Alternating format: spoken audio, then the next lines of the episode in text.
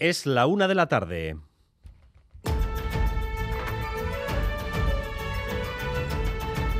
Crónica de Euskadi con Dani Álvarez. A Rachaldeón, el plante de los médicos del Hospital Donostia se acaba. Esta mañana, por sorpresa, el portavoz de los jefes médicos descontentos ha salido a decir que están de acuerdo con el Endacari. Estamos recibiendo eh, señales que yo creo que son muy esperanzadoras en el discurso político respecto a la búsqueda de, más que de soluciones, de conciencia de que existen algunos problemas y que se, de ponerse a solucionarlos. Y este ambiente favorecedor del diálogo creemos que es positivo para distensionar las cuestiones. Creemos que puede encauzarse este esta protesta, por decirlo de alguna forma. Hay una cosa que, que el Endacari decía y tiene, tiene razón. Somos un país de dos millones de habitantes, no todo el mundo puede tener todo, no puede tener todo el mundo un hospital en la puerta de casa. En eso el Endacari nos tiene detrás eh, absolutamente. El portavoz de los jefes médicos anuncia, por tanto, el frenazo a unas protestas que empezaron hace 10 días y lo hace frenando en seco cuando buscaban que esas protestas se extendieran a la atención primaria y a otros sectores. Y Manuel Manterola. Y de hecho se asegura que se sigue trabajando para buscar puntos de consenso con las reivindicaciones propias de la atención primaria, pero algo ha cambiado. Ahora se habla de señales en los discursos y donde hace escasos días se veían contactos tensos con la nueva gerencia del Hospital Donostia, ahora se ve voluntad de encauzar este conflicto por todas las partes, porque el problema, dicen, ha sido de comunicación. La cúpula del grupo Mondragón se remanga en los días previos a la votación de Ulma y Orona. Vídeos, declaraciones, entrevistas, dirigentes y exdirigentes del grupo se encargan de remarcar esta semana que en ningún sitio se está mejor que dentro de ese grupo, cuando ya todos dan por hecho que las dos compañías van a decidir volar en solitario. Cualquier otra cosa sería una sorpresa. El presidente de Mondragón, Íñigo Ucín, y el expresidente de Eroski hablan así de este proceso de ruptura.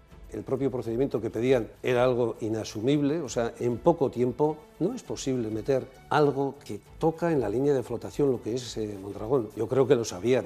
El propio argumento de recuperar la autonomía parece muy relacionado con aquello de, del Brexit. Seguramente eh, Europa no hubiera aceptado una propuesta de, de Gran Bretaña que hubiera propuesto cambiar la Constitución Europea para que cualquiera de los países miembros de la Unión Europea pudiera dejar de seguir las normas el gobierno de Pedro Sánchez acelera este mes de diciembre la aprobación de tantas leyes que es prácticamente imposible seguirle el ritmo y aprovechando la reforma del Código Penal con la sedición y la malversación va a modificar finalmente la ley del solo sí es sí para evitar el goteo de reducciones de condena a agresores sexuales. Madrid, Nerea Sarriegui.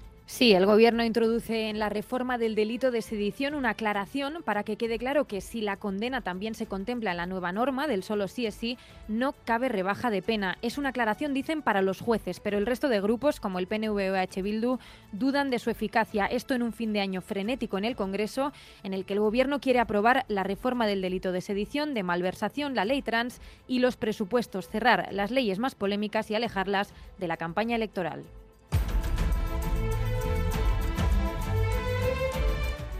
Las nuevas cuotas pesqueras para el Atlántico en la Unión Europea nos dejan un aumento considerable de las cuotas de la merluza y el verdel, pero una reducción al mínimo del chicharro, especie que se encuentra en peligro y de la que no hay suficiente stock. Bruselas, Amaya, Portugal.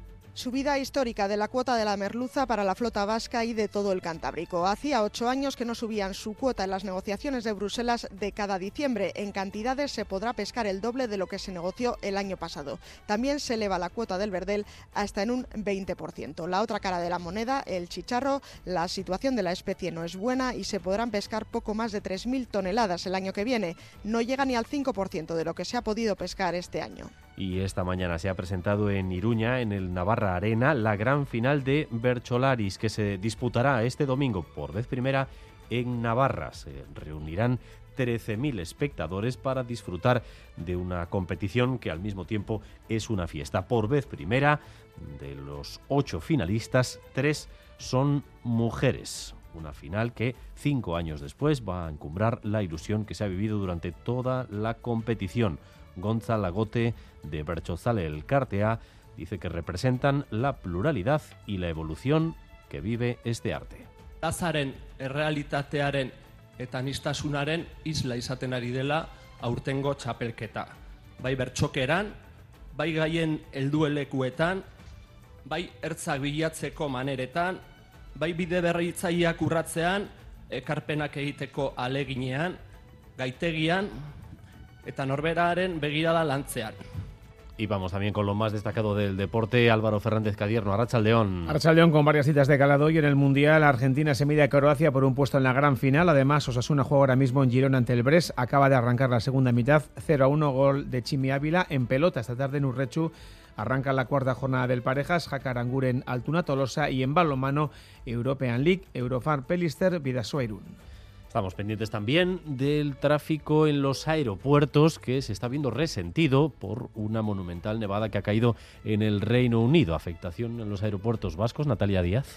Pues hoy no ha habido, no está habiendo incidencias en las conexiones entre el Hoyo y los aeropuertos británicos. Esta mañana ha llegado y salido el vuelo que conecta con Manchester. Está previsto que a las seis y cuarto salga el que vuela a Gatwick y que tiene que volver por la noche. Es uno de los dos aeropuertos de Londres donde a estas horas aún hay grandes problemas. En el resto poco a poco vuelve la normalidad. Y en Navarra, en Artazu, se ha registrado un accidente de tráfico en el que ha estado implicado un minibús escolar. Hay varios heridos. Aritz Aguirre. El susto ha sido tremendo. Tres escolares de 7, 9 y 11 años han resultado heridos y trasladados al hospital de Navarra tras el vuelco de un microbús en Artazu. La niña de 9 años ha tenido que ser operada del brazo. El microbús en el que viajaban 10 personas llevaba a la escuela de Garés a alumnos de pueblos de la zona. El accidente ha sido a las 9 menos cuarto de la mañana. Los otros cinco escolares, la conductora y la cuidadora han resultado ilesos y atendidos en el acto.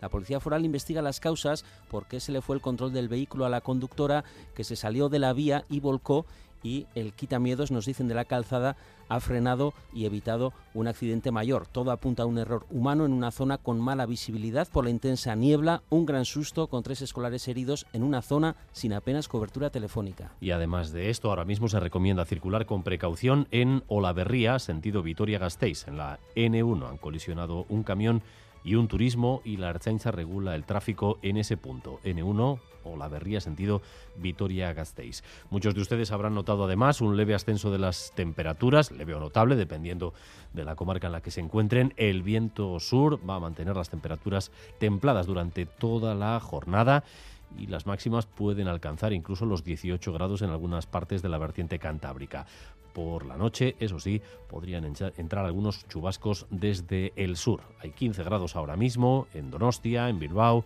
o en Bayona, 13 grados en Vitoria-Gasteiz y 9 en Iruña. Gracias un día más por elegir Radio Euskadi y Radio Vitoria para informarse. Raúl González y José Ignacio Revuelta se encargan de la dirección técnica y Aichiber Bilbao de la coordinación. Crónica de Euskadi con Dani Álvarez.